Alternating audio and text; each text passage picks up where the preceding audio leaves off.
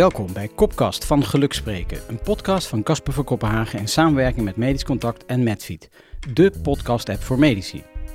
Mijn naam is Casper van Kopenhagen, revalidatiearts en niet-praktiserend sportarts.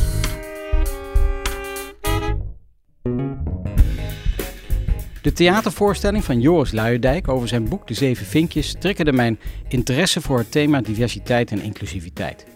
De medische wereld is allesbehalve divers of inclusief waardoor we bijvoorbeeld niet aan lijken te sluiten bij onze patiëntenpopulatie met andere culturele en sociaal-maatschappelijke normen, waarden en problemen. We weten bovendien dat diversiteit in teams en organisaties leidt tot meer creativiteit, innovatie, werkplezier, welbevinden en dus een duurzame inzetbaarheid van het zorgpersoneel. De medische wereld moet verder in transitie, van een oorspronkelijk wit mannenbolwerk naar een diverse en inclusieve kleurschakering. Van dit thema heb ik als witte heteroman van 50 plus op voorhand weinig verstand. Dus ga ik de komende maanden op onderzoek uit en in gesprek met een aantal dedicated experts. In de vierde aflevering van Kopkast over geluk, diversiteit en inclusiviteit ga ik in gesprek met Lianne Mulder. Zij is onderzoeker aan de Universiteit van Amsterdam. Zij heeft meegenomen Priscilla Maria, een student geneeskunde, bijna dokter en met een enorme drive om inclusiviteit en diversiteit op de kaart te zetten. Het wordt een enerverend gesprek. Nou, welkom bij de vierde aflevering alweer van uh, Kopkast Inclusiviteit en Diversiteit. En we gaan het ook nog over geluk hebben. En ik uh, heb het genoegen om vandaag de studio te mogen delen hier op de Domus Medica met twee uh, energieke vrouwen. Ik zei net al buiten de uitzending om, ik hoop dat ik ook nog aan het woord ga komen, maar daar, daar zouden ze een beetje rekening mee houden. Ter linkerzijde van mij zit Lianne Mulder, um, onderzoeker aan de Universiteit van Amsterdam, noem ik het maar even. Maar ik zag vanochtend ook, je bent ook filosoof. Nee. Oh, ik dacht dat ik master in de filosofie uh, uh, zag staan. Oh nee, een MPhil in Political Sciences. Dus ah. een, een MPhil, dat, dat bestaat eigenlijk niet in Nederland. Het zit een beetje tussen een master en een PhD in. Dus het is eigenlijk een soort onderzoeksmaster waarin je vooral bezig bent met je eigen onderzoek. Aha, dus je bent geen filosoof. Nou, dat, nee. Maar dat mag in deze uitzending wel, want we mogen ons allemaal eh, filosofen noemen. En jij hebt meegenomen, want je stond erop dat er in ieder geval een student uh, hier aan tafel zou uh, aanschuiven. En je bent nog net student, want uh, je hebt je aanvraag gedaan. Priscilla Maria. Hoi, welkom. Hoi, dankjewel. Ik vind het fijn dat ik hier mag zijn. En nou, ik kijk uit naar de aflevering. Ja, ja want eh, deze kopkast is uh, gebaseerd op het boek van uh, Joris Luijendijk, een theatervoorstelling waar ik naartoe ging en niet uitgesproken raakte over de voordelen die ik zo al ook in mijn leven heb gehad, waar ik dacht dat het over anderen ging, ging het toch wel over anderen ging, ging het toch wel heel erg over mij. Hè? De, het voordelen en de privileges van met het juiste lijf geboren worden, uit het juiste nest komen en de juiste opleiding genoten te hebben. En dat boek, uh, wat jullie vast nog niet uh, gelezen hebben, want dat zijn de meeste mensen die een mening over het boek hebben, hebben het nog niet gelezen. Uh, de uitgeverij Pluim biedt jullie dit boek bij deze aan. Dus uh, cadeautjes beginnen we maar mee. Ja, Stroop rond de lippen. Dankjewel. Ik um, heb het boek al wel vier keer inmiddels geluisterd op Storytel. Ah, en je was naar de theatervoorstelling. Jazeker. Want uh, Lianne Mulder, hele kleine introductie van mij. Zou je jezelf nog eens even goed kunnen introduceren voor de luisteraar? Uh, ja, dus ik ben Lianne Mulder. Uh, ik ben socioloog. Um, en ik heb de afgelopen vier jaar mijn promotieonderzoek gedaan bij het Amsterdam UMC. bij locatie VUMC, team onderzoek van onderwijs. En um, ja, eigenlijk vooral gefocust op kansongelijkheid in de selectie. Uh, maar onlangs ook nog een studie gepubliceerd over het verlies van diversiteit in de route van eerstejaars geneeskundestudent tot medisch specialist. Ja, dat, en dat gaat altijd snel. Hè? Dus de route van de geneeskunde. En je, volgens mij betrek je het ook al uh, daarvoor. Dus op, ja. de, op uh, de scholieren zag ik een post van op LinkedIn. Mm -hmm. Volg Lianne Mulder mensen. En, en je hebt nooit een dull moment meer. Want iedere dag weer een nieuwe prachtige post.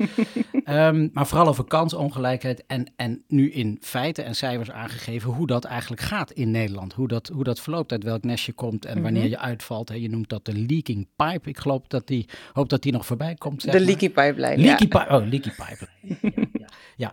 ja. Um, voldoende over jezelf. Ja, weet ik, je woont in Amsterdam, uh, getrouwd... Uh... Uh, inmiddels in Almere, getrouwd met mijn fantastische vrouw Rugama. En Oké, okay, nou en recent toch? Met... Uh, we zijn uh, nu ruim een jaar getrouwd. Ah, oké. Okay. Nou, de witte broodsweken zijn voorbij, maar, maar toch nog een beetje aanwezig. En kun jij nog iets meer over jezelf vertellen? Want we weten nog niet welke studie jij gedaan hebt. Klopt, klopt. Uh, mijn naam is Priscilla Maria. Achternaam is Maria. Ik ben geboren en getogen op Curaçao met een Surinaamse moeder. Ik ben toen voor de studie verhuisd naar Amsterdam. Eerst biomedische wetenschappen gedaan en vervolgens uh, via decentrale selectie geneeskunde binnengekomen. En in januari haal ik mijn diploma op, dus dan mag ik mezelf eindelijk arts Ah, noemen. De dokter in de zaal, gelukkig. gelukkig. Almost, kan, almost. Ja, daar kan ons niks gebeuren. En nou kom je net, hè, want ik had je vorige week aan de lijn. Toen zei ze, ja, ik moet nog even naar Aruba. eh, Aruba. Eh, want je hebt dit weekend iets bijzonders gedaan op Aruba. Klopt. Eh, samen met een collega of mentor, is professor Rousari, is kinderarts op Aruba, hebben wij de eerste tweedaagse Diversity, Equity and Inclusion in de Dutch Caribbean Healthcare georganiseerd. Dat is een hele mond vol. Maar Klopt. Diversiteit en inclusiviteit in de Cariben. Ja. Aha. Ja, vooral het Nederlands Koninkrijk dan. eh. Ja. En, en is dat, dat, ik zat me af te vragen, eh, ik ben natuurlijk die, die witte hetero man met zeven vinkjes van, is dat dan nodig eh, op de Cariben, dat we het daarover hebben? Ja, zeker. Want ook op de eilanden heb je, ehm, heb je diversiteit en mis je ook inclusie. Het zij dat de kwaliteit van de zorg dan niet gewaarborgd wordt door dat er specialisten of artsassistenten zijn die daar maar voor zes maanden zijn. En Mhm. die misschien Curaçao of Aruba als een vakantiebestemming zien en dan een jaar komen, maar dan na een jaar weer weggaan. Ze kennen Ja, de taal en cultuur en, eh, niet. wel veel leren, maar... Wel eh, veel ja, leren, ja, zeker. En ook gewoon hard werken. Hard werken, ja. Maar ehm, ja, je mist daarbij toch de connectie met de patiënten. Wat ik althans gezien heb, is omdat ze de taal en de cultuur niet kennen. En ehm, wat wij dit weekend hebben gedaan met sprekers vanuit, ook vanuit Nederland. De staatssecretaris Abigail Norvel was erbij. eh, de ziekenhuisdirecteuren van de eilanden. We hadden ook professoren vanuit Canada en vanuit de Verenigde Staten daar. En ehm, wat wij gedaan hebben is eh, met farmaceuten en met eh, onderzoekers erbij gaan bespreken van oké, wat is de diversiteit dat we eigenlijk zien op de eilanden? Wat, voor, ehm, wat is eigenlijk de relatie tussen de lack of inclusion en chronische ziektes dat je dan op de eilanden ziet? En wat kunnen we al met z'n allen eigenlijk doen om ervoor te zorgen dat de zorg eh, beter wordt voor iedereen? En dan heb ik niet alleen maar over culturele achtergronden, maar daarbij ook mensen met mental health issues, met ehm lage geletterdheid, echt religieuze eh, diversiteit en eh, ook vooral hoe je de hoe je het verantwoordelijkheid dan meer legt bij de arts. Want wat merken we? We schuiven alles heel vaak naar de patiënten toe. Ja, Maar wat je heel vaak ziet, ook hier in Nederland zeker, is dat ehm, het voornamelijk zit bij de bias van de arts zelf. Of de, je ontbreekt dan bij de artsen ehm, de eigen kennis in hun diversiteit. En dat Aha. speelt toch wel echt een Ja. rol in uh, Nou, dat, is, patiëntenzorg. dat is wel een haakje naar jouw verhaal, eh, Lianne. Denk, nou, dank je wel. En wel geweldig dat je dat doet. Allemaal in je vrije tijd natuurlijk. Klopt. Ja. ja, En hoe, hoe ben je nou teruggestapt in het vliegtuig? Ja, met vliegschaamte natuurlijk, mensen, dat, Ja. dat, dat, dat snappen we. Maar eh, heb je, was het nog een goede bijeenkomst? Ja, je- het was echt een goede bijeenkomst. Het was een succes. Het was de eerste keer dat we georganiseerd hadden, dus het was zeker wel spannend. Maar met de feedback die we gekregen hebben, weten we nu al dat het volgend jaar eh, ook plaats gaat vinden. Dus dat is echt heel Ah, oké, mooi. Oké, Ja. oké. Nou, daar kunnen we alvast kaarten voor bestellen. Zeker. Ja, en nou weten jullie, of dat weten jullie niet, maar mochten jullie wel eens geluisterd hebben naar deze podcast, dan gaat die eigenlijk over geluk. En diversiteit en inclusiviteit is daarbij gekomen als onderdeel van dat je geluk kan hebben. En Lianne, en ik vraag altijd de mensen, wat betekent, wat betekent geluk voor jou? Ehm, dat kan heel veel betekenen, maar in het kader denk ik van diversiteit en inclusie word ik vooral heel gelukkig als ik zie dat het ook rechtvaardig is. Want een groep kan divers zijn, ehm, maar als dingen niet rechtvaardig gaan, dan heb je weinig aan die diversiteit. En een groep of organisatie kan inclusief lijken, maar als daarbinnen ook geen rechtvaardigheid is, ehm, dan eh, is er ook nog een wereld te winnen. Dus als het gaat om diversiteit en inclusie, denk ik eh, dat het heel goed is om niet alleen daarop te focussen, maar ook op eh, het punt van rechtvaardigheid. Ja. En, en als je dan de dag van vandaag een cijfer zou mogen geven, want dat, dan, dan maak ik het weer iets groter, gewoon vandaag. Wat voor cijfer heeft deze dag voor jou? Ehm, ik denk dat het een beetje lastig is om die vraag te beantwoorden. Ehm, voor mijzelf eh, gaat alles wel prima, maar ik was gisteravond op een eh, bijeenkomst over Palestina, over. Gaza. eh, en onderweg daarnaartoe ontmoette ik twee Palestijnen die hier in Nederland wonen. En eentje die vertelde over hoeveel familieleden hij al is verloren in de afgelopen weken. Ja, dan, dan huilt je hart toch wel eh, behoorlijk als je hoort dat iemands eh, ja, bijna volledige familie al eh, is weggevaagd in a matter of weeks. En ehm, ik spreek ook veel geneeskundestudenten de laatste tijd, ook die zich uitspreken over Gaza en Palestina. En het doet toch wel pijn om te zien dat, ja, dat veel mensen toch niet de ruimte hebben om zich hierover uit te spreken, omdat ze meteen in een bepaalde hoek worden gedrukt. Terwijl ze gewoon zien dat mensen zoals zij, met ja, dezelfde soort achtergronden, dezelfde religie wellicht, maar ook mensen die geen religie of achtergrond delen, dat die uh, zich toch niet kunnen uitspreken. Dan denk ik, ja, hoe, uh, wat heb je dan aan al dat gepraat over diversiteit en inclusie als mensen zich niet eens mogen uitspreken over een genocide die gaande is op mensen waar zij zich op een of andere manier in herkennen. Dus ja. Ja, dus ik zit hier met een dubbel gevoel. Ik, ik zie het aan je, zeg maar. of zeg maar, ik zie het aan je. En dat is natuurlijk wat ons allemaal bezighoudt. En, en dan doen we even een korte sidestep naar zometeen naar de geneeskunde. En dan zoomen we in. Maar ja, de wereldproblematiek houdt ons natuurlijk dagelijks bezig. Er is, zijn morgen verkiezingen. Daar kunnen we ons ook enorme zorgen over maken. Althans, ik wel. Dat we straks ik ook. afstevenen op een toekomst die niet de mijne is. Maar oorlog is natuurlijk, ja, vreselijk om zo'n verhaal te horen. En dat, uh, dat, dat broertje natuurlijk. Maar als je, maar als je het in cijfer zou mogen... komt namelijk, ja, niemand komt hier weg. Hè. iedereen komt met van alles en nog wat aan. En, eh, maar je moet gewoon een cijfer geven.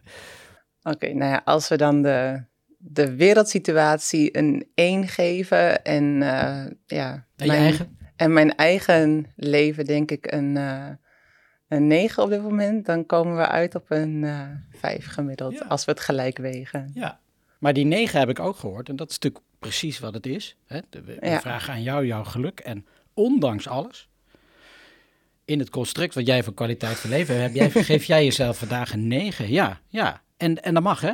En dat moet ook. Want ja, we kunnen onmogelijk de sores van iedereen uh, op ons op onze rug dragen, dat doen we wel eens. Wat is mhm. dit nou weer belerend wat ik hier uh, spreek? nou ja, uh, Priscilla, uh, je hebt even kunnen nadenken over dat construct van, van geluk. Hoe zou jij het omschrijven voor jezelf? Um, voor mij betekent geluk vrijheid. En ook in een omgeving uh, zijn met mensen die net als mij een groot rechtvaardigheidsgevoel hebben. En um, als ik meteen ook denk aan wat voor cijfer ik mijn dag zou geven, zou dat echt een, uh, een 8 zijn. Maar daarbij wel weten dat ik me nu ook in een omgeving bevind waar er heel veel problemen zijn. Maar ik ben omringd door mensen die wel achter mij staan en um, achter wie ik sta om deze problemen samen op te lossen. Aha, ja. ja. Nou, een 9 en een 8 en een 1 voor de wereld ook, zullen we dan maar uh, ja, zeggen. Ja, daar ben ik het wel mee eens. En, een, en, een, en een 3 voor de verkiezingen morgen. Nou, dan, daar gaan we de dag mee in. Uh, ik heb de eigenaardige, eigenaardigheid, zeg maar, om mezelf ook altijd een cijfer te geven. En um, ja, dat construct kwaliteit van leven en geluk, dat is uh, een heel breed construct en iedere dag weer anders. En daarom is die vraag ook zo mooi van geef de dag nou eens een cijfer. Dan ben je, kun je alle bullshit kutten, zeg maar, van nou vandaag. nou, en ik heb vandaag, uh, deze aflevering gaat door. Ik heb geen migraine vandaag, dus dan heb ik mezelf al beloofd het afgelopen jaar, naar honderden migraines. Um, dan heb je in ieder geval een zes. Uh, eergisteren was het een twee, vrijdag was het een één. Gisteren was er vier en vandaag zit ik hier met uh, twee uh, geweldig energieke vrouwen die uh, voor het goede opkomen in de wereld. Ja, dan is die zes, wordt al snel een zeven en ik denk eigenlijk wel een acht. En ik hoop aan het einde van het gesprek wat geleerd te hebben van jullie. En als je een dag wat kan leren, dan gaat hij misschien wel naar de negen toe. Dit gezegd hebbende. Um, maar die drie en die twee heb je ook gehoord. Ja, dat is op dit moment mijn, mijn leven. Dit is therapie wat ik hier doe uh, gesprekken voeren. Want mijn, uh, ik kan op dit moment mijn functie als dokter niet uitoefenen, omdat daar continuïteit en duurzaamheid uh, geboden is. En met die akelige aandoening van chronische migraine. Um, kan ik daar geen gehoor aan geven. En kan ik af en toe een uurtje pruttelen met jullie. En dat gaan we nu doen. Nou, genoeg oh, dit medische bulletin, maar ik zeg het al maar even, even bij. Um, ja, Lianne, want jij eh, werd al aangekondigd door Joris, mijn hemel, uh, als de ster van de show. En toen had ik je al gecontracteerd. Ja, niet dat je er wat voor krijgt, jij hebt een prachtig boek. Maar uh, dus, ja, mijn verwachtingen zijn torenhoog. Maar neem ons eens even mee in alle mooie onderzoeken die jij te, ja, boven tafel hebt getoverd in de afgelopen jaren. Alright, nou hoeveel detail wil je hebben? Ja, ja, misschien moeten we ons even focussen. We gingen net naar de wereldproblematiek en dan hebben we de verkiezingen morgen, dat is dan Nederland. Maar we gaan het nu over de geneeskunde hebben. Want we, uh, onze luisteraars zijn dokters over het algemeen, verpleegkundigen en fysiotherapeuten. En vergeet verpleegkundige specialisten en de PA's niet. En alle ziekenzorgen en iedereen die maar wil luisteren. Maar toch, we focussen ons even op die medische wereld. En daar heb jij uh, onderzoek naar gedaan. Yes, klopt. Ehm, ja, ik heb onder andere uh, onderzoek gedaan met CBS Microdata naar het verlies van diversiteit in de hele route van kind tot medisch specialist. En daar hebben we de diversiteit in kaart gebracht van verschillende groepen. Dus van zeg maar alle jongeren, dus de diversiteit van de jonge generatie. Uh, vervolgens uh, hoe het zit met de VWO-populatie en dan ook nog specifiek VWO'ers met een natuurprofiel, omdat die natuurlijk in theorie um, toelaatbaar zijn tot geneeskunde. Vervolgens hebben we gekeken hoe de kandidatenpool eruit zag, hoe de groep uh, eruit ziet die een aanbod op een plek heeft gekregen in de afgelopen jaren. Uh, de studentenpopulatie die uiteindelijk is begonnen.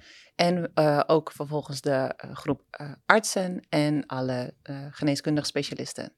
En is dat een, een, een heb je een longitudinale studie gedaan? Heb je het vervolgd als het ware? Uh, we hebben meerdere dingen gedaan. Mhm. Dus uh, bijvoorbeeld het verlies van diversiteit in de route van geneeskundestudent tot medisch specialist. Dat hebben we onderzocht op basis van een cohort van alle eerstejaars geneeskundestudenten uit 2002, 2003 en 2003, 2004. Dus twee academische jaren hebben we samengevoegd. Dat waren 4503 eerstejaars geneeskundestudenten. En die hebben wij gekoppeld aan allerlei achtergrondvariabelen en ook aan het BIG-register om te kijken wie van hen uh, in de afgelopen 20 jaar arts is geworden en wie ook specialist is geworden. Want dat klinkt heel ver weg, uh, 2002, 2003, 2004. Uh, waarom is dat? Uh, dat is omdat je rekening moet houden met de tijd die het kost om specialist te worden ja. in een specialisme dat het langste duurt. Ja. Dus, uh, Thoraxchirurg, zeg maar. Uh, bijvoorbeeld. Ja, dus, 12. Ja, ja dus ja. je hebt de, de langsdurende specialismen zijn natuurlijk als je het fulltime doet en ja. je bent zo snel mogelijk klaar, dan ben je zes jaar bezig. Ja. Maar er zit natuurlijk ook nog vaak een wachttijd tussen, hè, tussen je artsenregistratie en om vervolgens in opleiding te komen tot specialist. En uh, mensen werken natuurlijk ook gedeeltelijk parttime of hebben een onderbreking door bijvoorbeeld ouderschapsverlof. Dus uh, we of moesten. Promotie. Bijvoorbeeld, Precies. ja. Dat zie je vaak. Maar, Inderdaad. nou, de, de, dit is wat je kenschetst het, maar je had het al over uh, het verlies, zeg maar. Ja. dus breng ons even naar, de, naar wat data. Alright, nou de korte samenvatting is dat eigenlijk in die hele route van kind tot medisch specialist uh, de meeste sociaal-economische diversiteit en diversiteit op het gebied van migratieachtergrond, die gaat eigenlijk al verloren in de stap van basisschool naar VWO. Ja. Uh, dus het VWO bestaat disproportioneel uit kinderen van ouders met een heel hoog inkomen. Um, dus de, eigenlijk de, de meest verdienende 20% van het land. Uh, zij zijn de, het overgrote deel van de VWO-populatie. Um, en we dat zien gaat dat... puur om harde knaken, dus Ja. om euro's. Dus hoe meer Om geld inkomen, je hebt. ja. Dus oké, Ja, ehm, en eh, ook als je kijkt naar migratieachtergrond, dan zien we dat op het VWO vooral kinderen met een eh, Turkse, Marokkaanse, Surinaamse, Caribisch-Nederlandse of Indonesische migratieachtergrond heel erg ondervertegenwoordigd zijn op het VWO. Ehm, uit die groep van eh, VWO'ers, die dus al totaal niet meer representatief zijn voor hun leeftijdsgenootjes, ehm, is eigenlijk de enige groep die zich naar verhouding minder aanmeldt. Dat zijn tegenwoordig ehm, de mannelijke studenten zonder migratieachtergrond. En dat is heel belangrijk om in kaart te hebben, omdat er vaak als het gaat over het gebrek aan diversiteit op de opleiding geneeskunde, uh, hebben mensen het vaak over, oké, wat kunnen we doen om ervoor te zorgen dat meer mensen met een migratieachtergrond of een lage zes zich aanmelden? ja. Um, dus met zes bedoel ik sociaal-economische status. Oké, dat is goed dat je dat uitlegt. Want een lage 6 is ook een cijfertje voor mijn Nederlands. ja. Oh nee, dat was heel hoog. Nee, ja, ja ga door. Um, uh, als je kijkt naar de VWO-populatie, dan zie je dat uh, um, VWO'ers met een uh, migratieachtergrond, bijvoorbeeld een Turkse of Marokkaanse achtergrond, dat ze zich juist naar verhouding vaker aanmelden. Um, dus de ambitie is er zeker, maar mijn data laten zien dat uh, kandidaten met een migratieachtergrond van buiten Europa significant lagere kansen op toelating hebben. En de kandidaten met een Turkse of Marokkaanse, Surinaamse, Caribisch-Nederlandse of Indonesische migratieachtergrond, die hebben de laagste kansen van, uh, van allemaal.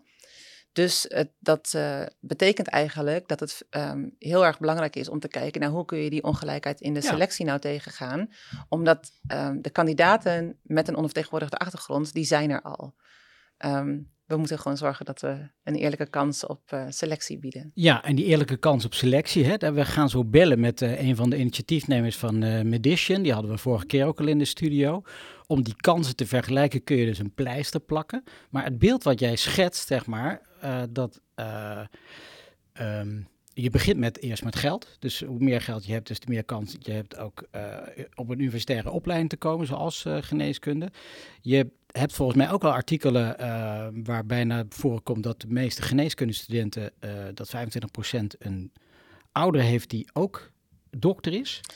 Uh, niet per se dokter, maar een BIG-registratie. Ja, BIG-registratie. Ja, dus Die, uh, die groep is wel oververtegenwoordigd als je kijkt naar uh, hun leeftijdsgenoten. En aan de ene kant komt dat natuurlijk ook omdat um, mensen met BIG-geregistreerde ouders zich vaker aanmelden voor een medische studie. Dus dat is die, ja. hè, de stap van um, ambitie om iets te gaan doen. Nou, dat kan ik begrijpen, omdat mensen natuurlijk vaker um, het beroep van hun ouders Ja, want volgen. dat is natuurlijk het eerste wat je te horen krijgt, nu ook even van mij. Van ja, die, die paardenslager, die heeft het ook aan zijn zoon overgedragen, zeg maar, die paardenslagerij. En dat is waarschijnlijk de vijfde generatie. En als je daar niet mee in aanraking komt, ik ben nooit met een paardenslagerij. Mm -hmm. Snap je wat ik bedoel? Ja. Dan heb je dus die voorsprong. Ja, maar dat, dat kun je nog rechtvaardigen voor de stap richting de kandidatenpool. Dus dat die ambitie er vaker is om iets te gaan doen. Ja, dat, dat je je aanmeldt. Ja, ja, dat je je aanmeldt. Ja. Maar vervolgens de kansenongelijkheid in de selectie. En dat er allerlei zorggerelateerde opleidingen zijn waar je een significant hogere kans hebt om te worden geselecteerd als je één of twee big-geregistreerde ouders hebt. Ja. Die kansongelijkheid in de selectie is natuurlijk niet te verklaren door um, de ambitie die kinderen hebben. Nee. Dus ja. daar zit iets in het selectiemechanisme wat zorgt voor kansenongelijkheid. Um, en uh, daarnaast is het, nog, is het natuurlijk ook nog zo dat je kan een bepaald fenomeen wel verklaren. Um, maar dat betekent nog niet dat het rechtvaardig is. Omdat kandidaten zonder geregistreerde ouders kunnen er niets aan doen dat hun ouders niet in de zorg werken. Net zoals de nee. mensen die wel die ouders hebben, daar iets aan hebben bijgedragen. Ja. Nee, ik, je kan er niks aan doen dat je vader dokter is, zeg nee. maar, dat je dan zelf ook aanmeldt.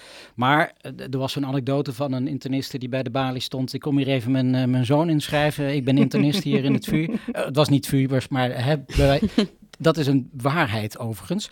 Um, maar nu, uh, ik weet dat jij heel veel mensen gesproken hebt in de afgelopen jaar, want dat houdt je mm -hmm. niet alleen bezig, maar ook buiten de praktijk. En we hebben hier uh, iemand met een migratieachtergrond, want dat vertelde je net, een Surinaamse moeder, woonachtig op Curaçao, toch? Heb ik goed onthouden? Klopt, inderdaad. Ja. Vader is van Curaçao. Ja, dus, maar jij zit hier wel. Jij bent bijna aan het einde van de rit. Uh, jij bent dus zeg maar als het ware uh, iemand die buiten de data valt, of in de data, maar snap je, aan de, aan de randen van de data. Hoe is dat jou gelukt en herken jij je in dit beeld wat Lianne schetst? Ja, heel erg. En um, ik moet meteen denken aan uh, een voorbeeld van een jongen bij mij op de middelbare school. Hij was ontzettend slim. Hij haalde echt negens en achtens voor wiskunde, natuurkunde. Maar voor taal of voor Nederlands of voor Engels, dan lukt het helemaal niet. En iedereen dacht dat hij gewoon dom was, puur omdat hij niet goed Nederlands sprak.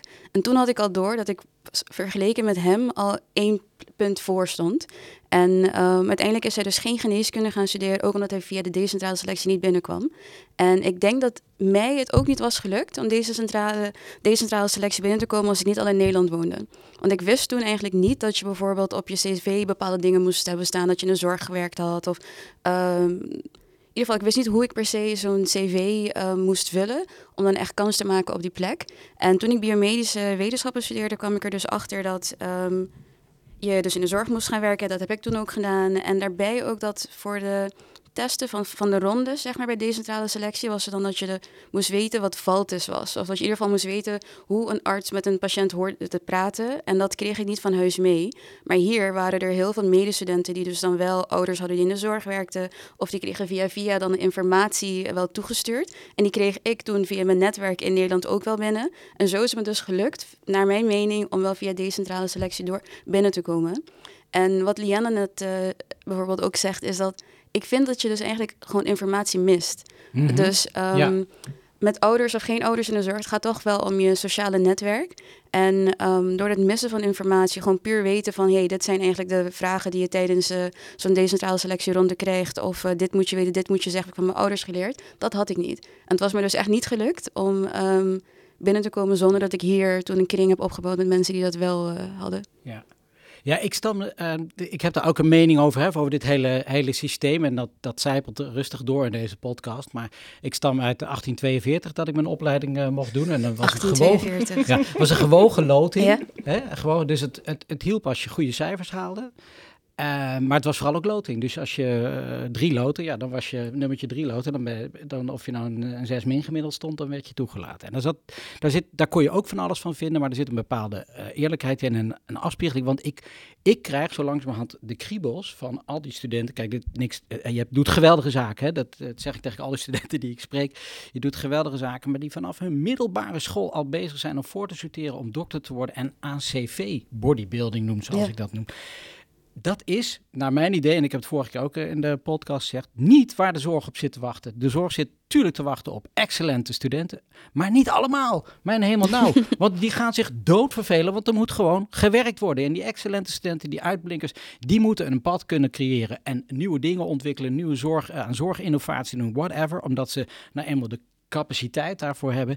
Maar het grote bulk van het dokterswerk, en dat spreek ik als dokter en ik doe het een tijdje, even een tijdje niet omdat ik uit de relatie ben, maar ik mag er wat over zeggen, is gewoon hard werken, intiem verband denken, heel sociaal voelend zijn, betrokken en, en, en tegen een stootje kunnen. Dat is nog wel een, een goede overigens. En daar maak ik me zorgen over, want daarvoor is deze podcast überhaupt ontstaan, over dat er zoveel mensen burn-out raken. Eén onderdeel daarvan, naar mijn bescheiden mening, is dat we te veel, dat we de lat veel te hoog leggen en alleen maar excellente uh, studenten afleveren. Waar jij er één van bent en die hebben we keihard nodig om het vak verder te brengen. Maar die andere 80% moeten gewoon goede, sympathieke uh, uh, en empathisch, vooral met compassie, volle dokters worden. Dit even gezegd hebbende, um, had ik toch ook een linkje naar onze uh, gastinbeller, die we even gaan kijken of we die... Dat is geen student meer overigens, dus hij is gewoon beschikbaar. Hè? Mohammed moest er maar afwachten. Mohammed was toen overigens, vorige week was hij gewoon net, had hij een nachtdienst achter de rug, omdat hij in een... Verzorgingstehuis. En een verzorgingstehuis. Ja, je hebt oh, je hebt geluisterd. Ja, goed zeker. Ja, ja, ja. Ja, zeker. Ja, ja. En, uh, maar, en Mohammed uh, Badeo, die hebben we de vorige keer gesproken met hun uh, project Medicians, waarbij ze dus eigenlijk die middelbare scholieren en de eerstejaars en tweedejaars studenten geneeskunde meenemen op dat pad van extra informatie, hoe je je eigenlijk te gedragen hebt of wat je moet doen om een succesvolle dokter te worden. En daar, daar schuilt natuurlijk ehm, dit in wat ik net zei, dat wat mij dan triest stemt, dat dat nodig is. Maar ze doen natuurlijk geweldige werken. En Mohammed is gekozen tot geneeskundestudent uh, van het jaar. Hoera, hoera. Ja. Maar dat heeft hij natuurlijk ook niet alleen gedaan. Ja. Want daar had hij een hele club bij, uh, bij zich. En Marwan El Galbzouri is één van hem. En hij is uh, tandarts. Dus hoe inclusief zijn wij hier in deze medische podcast? Dat wij bellen met een tandarts. Um, wat natuurlijk ook een hele specifieke hoog, uh, hoge opleiding is. Hallo, goeie, goedemiddag alweer.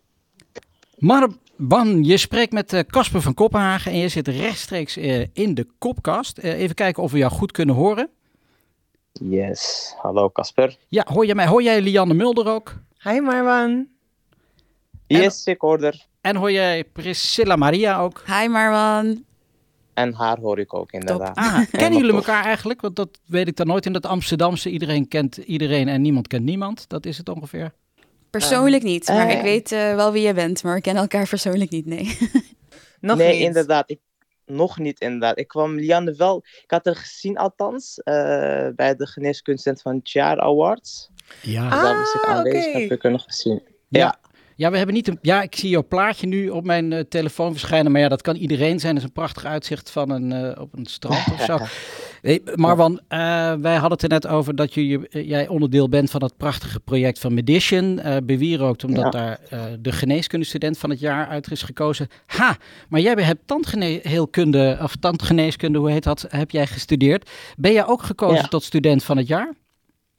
Ik heb inderdaad tandheelkunde gestudeerd, maar helaas, ik heb nooit een award mogen ontvangen. Ach. Helaas, helaas. Maar, heeft maar je, heeft je, heb je wel een beetje mogen meevieren van uh, Mohammed? Want, uh... Ja, zeker. zeker. Ik, ik ken Mohammed ook al sinds, sinds de eerste klas van de, van de middelbare school. Dus, aha, aha. dus we kennen elkaar al heel lang, dus ik heb het zeker mee kunnen vieren. Ik was ook aanwezig. Um, ja, en ik ben ook uh, super trots dat ik uh, deel uitmaak van, uh, van Medition, van dit prachtige team. Um, het begon inderdaad bij geneeskunde en op een gegeven moment hebben we ook ervoor gekozen om ook tandheelkunde en dus scholen die tandheelkunde willen studeren te begeleiden. En ik heb dat onder andere op me kunnen nemen samen met andere tandheelkundestudenten. Dus ja, want, nee, want, uh, want dat die, uh, die diversiteit en inclusiviteit, maar vooral die diversiteit ver te zoeken is in de medische wereld. Hè, dat is een beetje het haakje ja. van deze hele podcast. Dat weet Ja. ik, want ik kom eruit. Maar is dat ook in de tandheelkunde zo? Ehm, ik moet zeggen dat uh, de- ik heb gestudeerd in Amsterdam aan de ACTA, Academisch Centrum Tandheelkunde Amsterdam. Ehm, ik moet zeggen dat, ik, eh, dat het er wel op lijkt. Eh, ik, heb geen specifieke cijfer, maar dat het er wel op lijkt dat het wel steeds wat diverser wordt. Dat idee heb ik wel. waar de oude tandarts standaard een tandarts was zonder migratieachtergrond. Dus ik stel steeds meer tandarts met een migratieachtergrond. Dus het lijkt daar wel de betere kant op te gaan. Um, dus ja, dat, ik heb wel het idee dat het wel steeds beter gaat. Maar het is nog steeds niet in verhoudingen natuurlijk. Nee, um, nee want jij staat, dat... jij staat net als Priscilla op de overgang naar... Of je bent al uh, tandheelkundige, toch? En je, heb je al een baan? Ja. ja, ik ben al tandarts. Ik werk al als tandarts inderdaad. Aha. En was dat gemakkelijk om in, op die plek te komen? Of heb je daar uh, ook door hoepels moeten springen en drempels moeten pakken? Ja, nou, je, je, hebt op dit moment natuurlijk een, een, ja, een best wel grote tandartsentekort. Dus uh, het hoeft niet ook heel lastig om aan een uh, baan te komen. Ja, het is zeker een gunstige tijd. Ja, ja. zeker. Nou ja, is, uh, dat, is, dat is goed te horen. Uh, ik heb je gevraagd om een vraag voor te bereiden voor de, voor de dames. Dus ja, brand los zou ik zeggen. Yes, ehm, nou mijn vraag gaat er eigenlijk meer, gaat er meer over wat, universiteit, wat universitaire instellingen zelf kunnen doen om uh, de diversiteit uh, binnen opleidingen, dus zoals tandheelkunde, geneeskunde en andere uh, opleidingen waar een digitale selectie vooraf gaat, te vergroten. Wat kunnen universitaire ja, instellingen hier, hierin bijdragen? De 100.000 euro vraag. En ja. ik zie de dames al, ja, ja, ja. Want we hebben net het beeld geschetst dat het inderdaad niet inclusief en niet divers is. En dat het eigenlijk al heel vroeg begint bij de leaking pipeline, zeg ik het nu goed dit keer? Ja, de leaking pipeline. En, en hoe, wat mhm. kunnen nou de, want we uh, richten ons even op de geneeskundeopleiding en dan de tandheelkundeopleiding. Wat kunnen de mensen die nu luisteren naar deze podcast eraan doen om dat toch allemaal wat inclusiever en diverser te maken? Wie wil er als eerste reageren? Uh, ja, ik kan wel eerst gaan. Als we het puur hebben over de patiëntenzorg, dan is dat iets waar ik nu mee bezig ben met een groepje binnen het uh, AMC. Is dan een uh, training geven aan artsassistenten en aan specialisten, waar je het voornamelijk hebt over kennis in je eigen diversiteit en hoe zorg je ervoor dat je bias dus niet in de weg staat voor goede patiëntenzorg. Ik denk dat dat een goede is, van zo... Um... En wat bedoel je precies met de bias die ik heb? Ja, um, nou, ik ga anders gewoon een voorbeeld geven van een paar maanden terug. Um, het was in een uh, ziekenhuis waarbij er dus een uh, vrouw van Afrikaanse, Afrikaanse afkomst binnenkwam. En Um, de artsassistent had dus met haar een gesprek op de poli. Maar zij had dus helemaal niet door dat deze vrouw eigenlijk uh, dronken was. En die dacht van, oh, maar ja, ze is toch Afrikaans, dus dan, die zijn toch altijd al helemaal blij en weet ik veel wat. En ik heb deze vrouw dus tien seconden gezien. Okay. En toen had ik al door van, ja, er is iets eigenlijk helemaal niet goed. Want ik zag haar in de wachtkamer, ik was niet bij het gesprek zelf aanwezig. En um, het verhaal kort te maken, uiteindelijk is deze vrouw dus van de trap gevallen en haar arm gebroken. Ze is ze nog bij haar, de klacht waarvoor ze kwam, is ze nu nog erger de schade erbij gekregen. En ik denk dat hierbij, dus het, dat is wel een extreme voorbeeld van waar je bias dus in de weg staat. Dat je denkt van, die vrouw is Afrikaans, dus ze moet alleenstaande moeder zijn. Dus oh, dat ze zo een beetje raar en even heel uh, hyper reageert of zo, zal wel gewoon mm. maar passen bij het Afrikaans zijn. En toen zei ik van, nee, ze is gewoon dronken. En dat heeft er helemaal niks mee te maken. En dat begreep die artsassistent toen niet. Uh, dus dat is een directe voorbeeld ervan. Dus je kennis hebt. Ja, dus is awareness van dat er diversiteit is. En, maar dan, is dan weet je nog niet hoe je daarmee om moet gaan dan weet je niet hoe je daarmee om moet gaan. Maar als je jezelf tijdens een gesprek um, de vraag stelt van um, waar baseer ik mijn beleid nu op? Is het echt op basis van de wetenschap of basis van protocollen? Of is het op basis van mijn, um, ja, mijn bias of de stereotypering dat ik heb bij deze groep? Als je dat even aan jezelf stelt voordat je een beleid afmaakt of voordat je met de patiënt verder gaat, dan denk ik dat we al een stap verder zijn. En um, het tweede van uh, wat Marwa net vraagt is... hoe kunnen we ervoor zorgen dat de groep zelf inclusiever wordt? Dan zou ik zeggen bij sollicitaties. Nou, ik heb dus een presentatie gehad voor een groep met uh, voornamelijk oude witte specialisten. Ja, en, zoals ik. Ja, ja. daar kwam uiteindelijk wel naar voren dat bij sollicitatiesrondes... dan je hebt ten eerste weinig tijd, want je hebt je kliniek, je hebt dit, je hebt onderwijs... en daarnaast moet je nog allemaal door cv's doorgaan... en je hebt er eigenlijk geen tijd voor. Dus als je dan iets op iemands cv ziet dat je dan niet kent dan ga je ook niet echt de tijd nemen om um, op te gaan zoeken van wat dat betekent. Als je een club ziet staan of een prijs ziet staan die jij bijvoorbeeld wel kent, denk je, ah, ja, dat is goed en daar hecht je een waarde aan en zo krijgt die cv bijvoorbeeld meer punten. Dat is gewoon een voorbeeld dat een van de witte mannen dus zelf gaf. Van we hebben geen tijd ervoor, we scoren hoger bij dingen die we zelf kennen. Andere dingen, ja, oké, ken ik niet, uh, geen tijd voor. Ja, oké, helder, helder. Lianne, jij hebt er vast ook nog iets aan toe te voegen wat, wat, wat men in de opleiding nog meer uh, kan bijdragen om die diversiteit te vergroten. Ja, zeker. Ik denk dat je in de selectie nog heel veel kan doen om ervoor te zorgen dat er ten eerste geen kansenongelijkheid is die het gebrek aan diversiteit alleen maar erger maakt. Um, ik denk dat je van alles kan doen om diversiteit te bevorderen, ook via de selectie met methoden die nu al legaal zijn.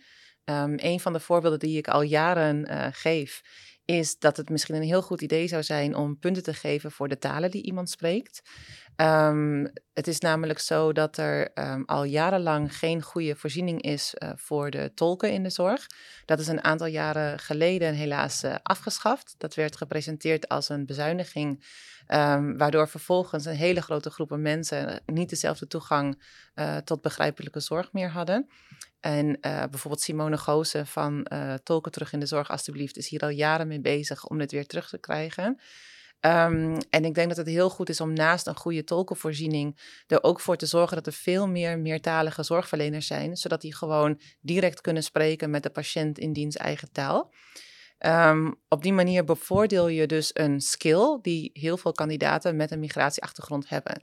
Uh, Priscilla wil misschien even vertellen hoeveel talen zij uh, spreekt. Oh, hebben hier de Frans Timmermans uh, ja, aan tafel? Nou, er zijn er acht. Acht? Ja. Vloeiend? Maar uh, vijf zijn vloeiend en de rest niet. Maar daarbij moet oh, ik wel zeggen. Borrel op. Ja. Nee, ja, de rest lukt ook wel, maar dan niet even vloeiend zoals ik nu Nederlands spreek. Maar ik ben op Curaçao geboren en opgegroeid. Dus iedereen daar spreekt minstens vier talen: Nederlands, Papiaments, Engels en Spaans. Ja. Daarbij heb ik een Surinaamse moeder. Ik heb op Chinese school gezeten. Ik heb Frans gekregen. En Papiaments en Spaans lijken heel erg op Italiaans en Portugees. Dus beide Ah. versta ik. Oh, nou daar staan we, Marwan. Ik weet niet hoeveel talen jij spreekt. Ja, nou, geen 18 in ieder geval. Uh, Nee, nee, nee, ja, ik- 3,5. Zwitser, Duits en Twents en, eh, en, dat kan en, ik zien, maar dat en- kan ik dus allemaal niet. en Limburgs. ja. Ehm, dus dat kun, dus eh, punten uitdelen voor taal, de eh, meertaligheid, dat is natuurlijk altijd eh, goed. Heb, je- heb je nog andere tips voor de opleiders? Uh, jazeker, maar over die taligheid wil ik graag ook nog zeggen dat het, um, uh, het voordeel daarvan is dat je daarmee een vaardigheid beloont die heel erg hard nodig is in de zorg. Ja. En ik spreek bijvoorbeeld vaak geneeskundestudenten die tijdens hun kooschappen um, van hot naar her moeten lopen naar verschillende afdelingen in het ziekenhuis om te gaan tolken voor zorgverleners en voor de patiënten die dus de taal niet machtig zijn. Ja. En um, vaak merken zij dat daar geen enkele waardering voorkomt in hun kooschapbeoordelingen. Uh -huh. En ik heb zelfs van iemand het verhaal gehoord dat diegene een slechtere kooschapbeoordeling kreeg, omdat diegene niet altijd aanwezig was op de, op de werkvloer. Maar die was wel aanwezig in het ziekenhuis, maar die was simpelweg weggeroepen naar een andere afdeling om daar te komen tolken. En ik denk dat het dus best wel onrechtvaardig is om een uh, skill die zo hard nodig is en die uh, vaak ook wordt ingezet op de werkvloer, om die niet al aan de voorkant te belonen met punten in de selectie. Um, maar ook niet alleen maar dus de selectie voor de bachelor, maar het zou ook super tof zijn, denk ik, en rechtvaardig om ook bij de AJOS-selecties hier rekening mee te houden, omdat we nou eenmaal een hele diverse uh, samenleving hebben. En het gewoon goed zou zijn als er veel meer um, zorgverleners zouden zijn, niet alleen artsen, maar ook andere zorgverleners, die um, de talen spreken van de patiënten die zij zien. Ja. ja. En zo zijn er nog veel meer voorbeelden van dingen die je zou kunnen belonen in de selectie om de diversiteit te bevorderen en te zorgen dat uh, de artsenpopulatie en andere zorgverlenerpopulaties meer een afspiegeling worden van de samenleving. Ja, ja. Ja, wat, maar wat, uh, het is natuurlijk uiteindelijk zaak dat jullie prachtig initiatief uh, weer een vroege dood sterft. Uh, om de simpele reden dat het eigenlijk niet nodig is. Um, heb jij nog ja. ideeën over de toekomst nu je, nu, nu je echt in de werkende maatschappij bent gestapt? Ja, ik, ik herken zoals Lianne en Priscilla heel mooi hebben aangegeven. Um, dat die diversiteit wel echt nodig is en dat die echt erg belangrijk is.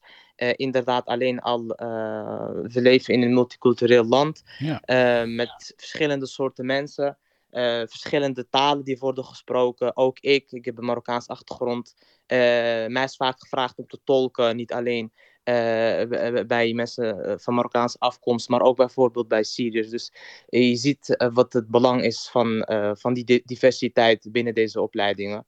Um, en ik denk dat het ook, um, nou, wat je vaak ziet, zeker met jongens en meisjes met een migratieachtergrond, dat, ja, dat, het, dat het schort in, in het netwerk. Ik, had, ik zelf meegemaakt toen ik op het punt stond om studie te kiezen. Ik had geen netwerk, kende niemand die me kon vertellen over de opleiding of hoe de selectie in elkaar zit.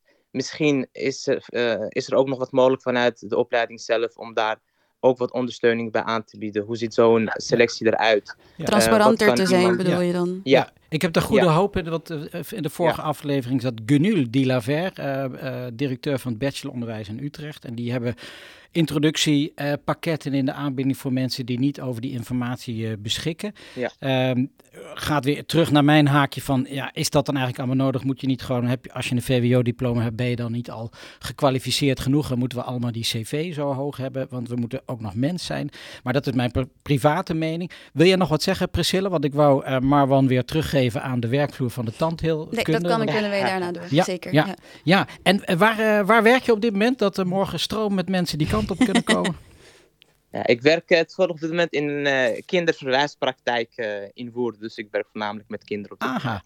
En ehm, Marwan El Galbzouri, zeg ik het goed? Yes, Yes. yes. Dank, dank voor je goede werken tot nog toe met Medition. Dank voor je bijdrage in deze kopkast. En wie weet tot gauw. Je hebt een boek van Joris van Luijendijk nog te goed. En dat heeft Mohammed ook. Dus die kom ik jullie persoonlijk afleveren. Yes, top. Dank jullie En wel. heel erg bedankt Dankjewel Marwan de- voor alles wat je doet. Ik vind het echt super tof om te zien hoe mensen zich inzetten voor eh, eerlijkere kansen in de selectie. Yes, totally Yes, En jullie ook bedankt voor het eh, aanstippelen van het onderwerp en jullie inzet daarvoor.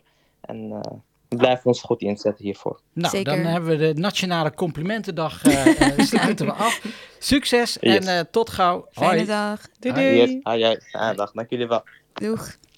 Wat ik net dus nog erbij wilde zeggen, is iedere taal gaat gepaard met een eigen denkwijze. Mhm. Dus ehm, los dat je de taal dan ook nog spreekt, als je kennis hebt in de cultuur van de patiënt, dan lukt het je soms ook meer om een betere connectie te maken.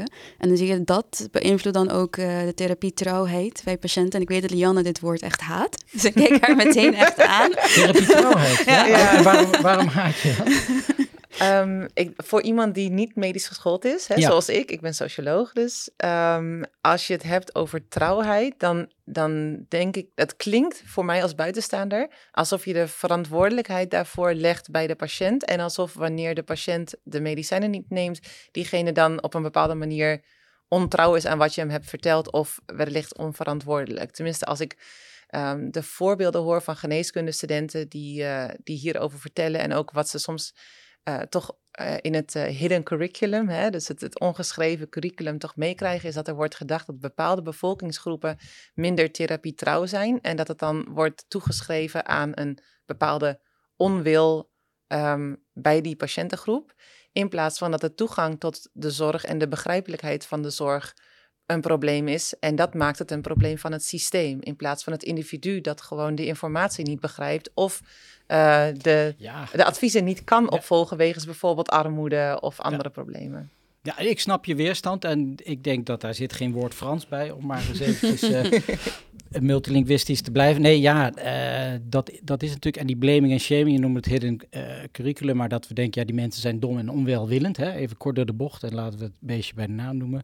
Omdat we ons niet verdiept hebben in de achtergrond. En niet verdiept hebben in het feit dat die mensen of misschien ongeletterd zijn. Of niet in staat zijn om controle over hun leven te nemen. Hè? Wat natuurlijk, ik ben enorme voorstander van actieve leefstijl. En mensen daarin in, in meenemen. Maar het is natuurlijk makkelijk gezegd vanuit mijn witte zijsterbubbel om een actieve leefstijl na te streven met eh, dan dat je niet weet hoe dat in hemelsnaam zou moeten. Ja, Omdat je omgeving het niet doet. En Ja. je het nooit geleerd hebt en niet weet wat de, wat de voordelen zijn. Tuurlijk, ieder mens op aarde zal weten dat eh, ongezonde voeding, eh, niet bewegen, eh, roken en alcohol slecht voor je is. Dat hoeven we niet meer uit te leggen aan de mensen. Maar hoe doe je dat in hemelsnaam? Hoe kun je je gedrag, wat al ingesleten is door generaties om je heen, en je hele, hele buurt misschien waar je, waar je in woont, al je vrienden, hoe krijg je dat in hemelsnaam veranderd? Daar worstelen we mee met z'n allen en daar helpt het dus bij. Als je acht talen spreekt, maar ik zat net te denken, eh, ja, je mag zeker, maar ik, ik, ik zat net te denken. eh, hoe doe je dat dan? Eh, Want dan word je overal bijgehaald als je acht. Je kan, je, drie is, lijkt me toch voldoende.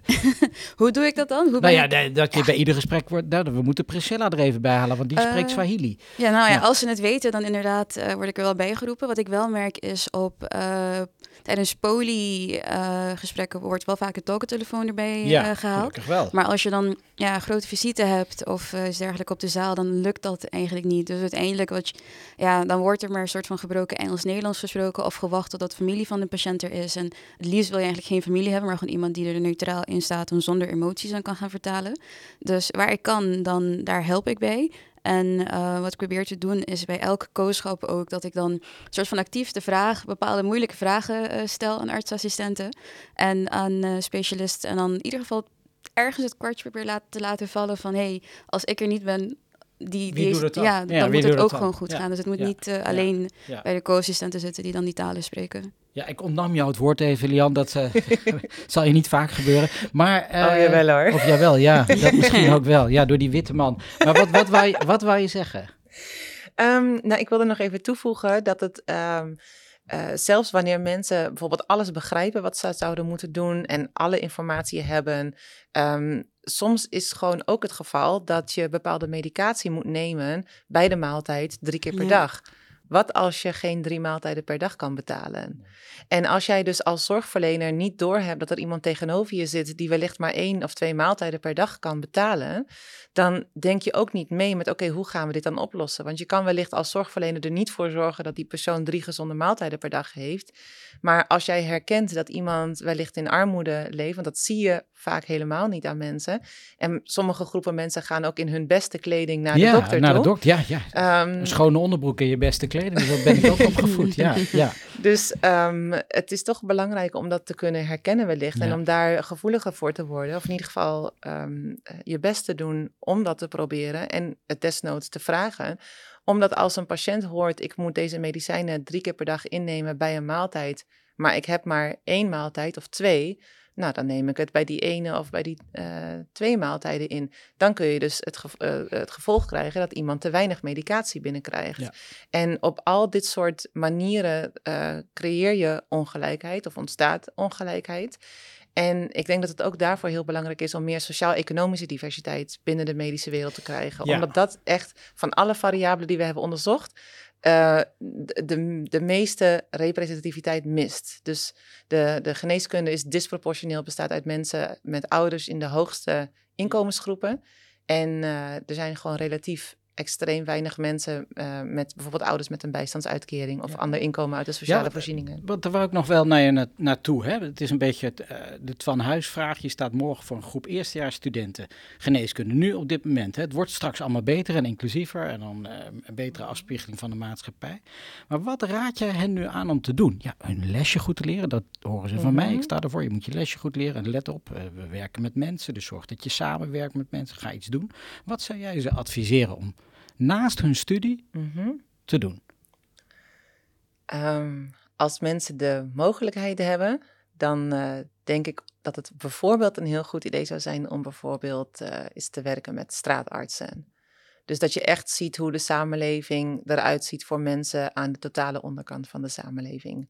En zeker als je bent opgegroeid in een hele elitaire bubbel, waarin iedereen om je heen eh, zeer welvarend was, denk ik dat het echt goed is voor je eh, begrip van de samenleving om te zien hoe heel veel mensen aan de onderkant van de samenleving. En dat is natuurlijk ook weer een hele, ehm, ja, een beschrijving die niet Ja. eh, heel erg eh, woke is misschien, maar ik denk dat iedereen weet wat ik bedoel. Gewoon Ja. de mensen die dakloos zijn, de mensen met totale bestaansonzekerheid.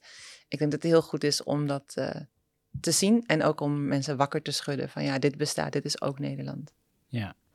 Priscilla, heb jij daar nog een tip voor, voor de jonge studenten die je morgen toespreekt? Je hebt een eh, verhaal gehouden over je prachtige eh, congres eh, op de Aruba, of op Aruba. Ja, ik, ik moest eigenlijk meteen terugdenken aan het verschil tussen opgroeien op, eh, op Curaçao en hier in Nederland. Dat ik daar echt, eh, mijn vriendengroep was echt United Colors of Benetton. Echt van verschillende culturele achtergronden, maar daarbij ook vanuit verschillende sociale klassen. Mhm. En ik denk dat dat mij uiteindelijk ehm, ehm, heeft geleerd. Of in ieder geval dat ik daar een soort van de... ehm, wat is het Nederlands woord weer ervoor? Gooit het Engels er doorheen misschien. dat ik daar het privilege eigenlijk heb. Dat ik bij verschillende eh, groepen ook anders na kan denken. Dat ik me aan kan passen bij verschillende culturen, verschillende groepen. En dan rekening kan houden met verschillende aspecten die dus ehm, invloed hebben op de zorg. Dus ik zou eigenlijk zeggen van in jouw kring, in je vriendenkring, uh, probeer dat eigenlijk zo divers mogelijk te maken. Los van culturele achtergronden, maar ook sociaal-economische klassen. Dat je op een of andere manier met, met ja, of je vriendenkring of je werk of uh, vrijwilligerswerk dat je doet, ergens gewoon in contact komt met mensen die anders zijn dan jezelf. Dat zou een tip zijn. Gewoon echt die contactmomenten echt actief uh, opzoeken. Ja, nou daar kunnen, daar kunnen we verder mee hebben. Daar kan die eerstejaarsstudent zijn voordeel mee doen. Want hij, die, die er op dit moment zit, kan er ook niks aan doen dat hij uit die witte bubbel komt. Maar ontdekt de wereld en die begint een, uh, een, staar, een straat of twee straten verder. Uh, in de kroeg, in het theater, uh, vrijwilligerswerk, noem maar op. Het kan allemaal. Um, hebben, je, hebben jullie iets op je leven waar je zegt van nou dat wilde ik toch nog even kwijt in die kopkast? een heleboel, ik weet het, maar wat, wat nog binnen de tijd past. Um, ja, jij, uh, we hebben elkaar kort gesproken en dan daarbij vroeg je ook mee van wat is eigenlijk mijn drijfveer? Ja. Dat me eigenlijk, ja. ja waarom Heb doe ik laten dit? liggen, hè? Ja, Ja, we gingen spontaan in het gesprek dat ik dacht, nou de mensen voelen aan alle kanten. Want Wat ehm, wij eh, dat, nou even kijken, ik moet het eventjes netjes gaan verwoorden. Maar dat je ziet dus dat we een tekort hebben aan, eh, aan artsen. En dat heel veel mensen ook de ouderenzorg eh uitgeduwd worden. Mensen met migratieachtergrond. En dan bij hun speelt racisme een hele grote rol daarbij. Als je dan geen steun hebt van je collega's als er iets racistisch gebeurt. Ik geef een voorbeeld van mezelf. Dat het bij eh, mijn bijbaan eh, lukte het niet om een infuus te prikken bij een patiënt. Uiteindelijk was het mij de eerste keer dus wel gelukt. En uiteindelijk refereerde die patiënt naar mij van ja, dat zwartje dat net hier was. Dan denk ik echt, oh, ja, waarom? Mhm. Dus ik, ik, en dan daarbij ook geen collega's die dan ehm, voor je opkomen, geef je toch een gevoel van, ehm, ja, ik wil niet zeggen minderwaardigheid, maar geen waardering voor wat je eigenlijk doet.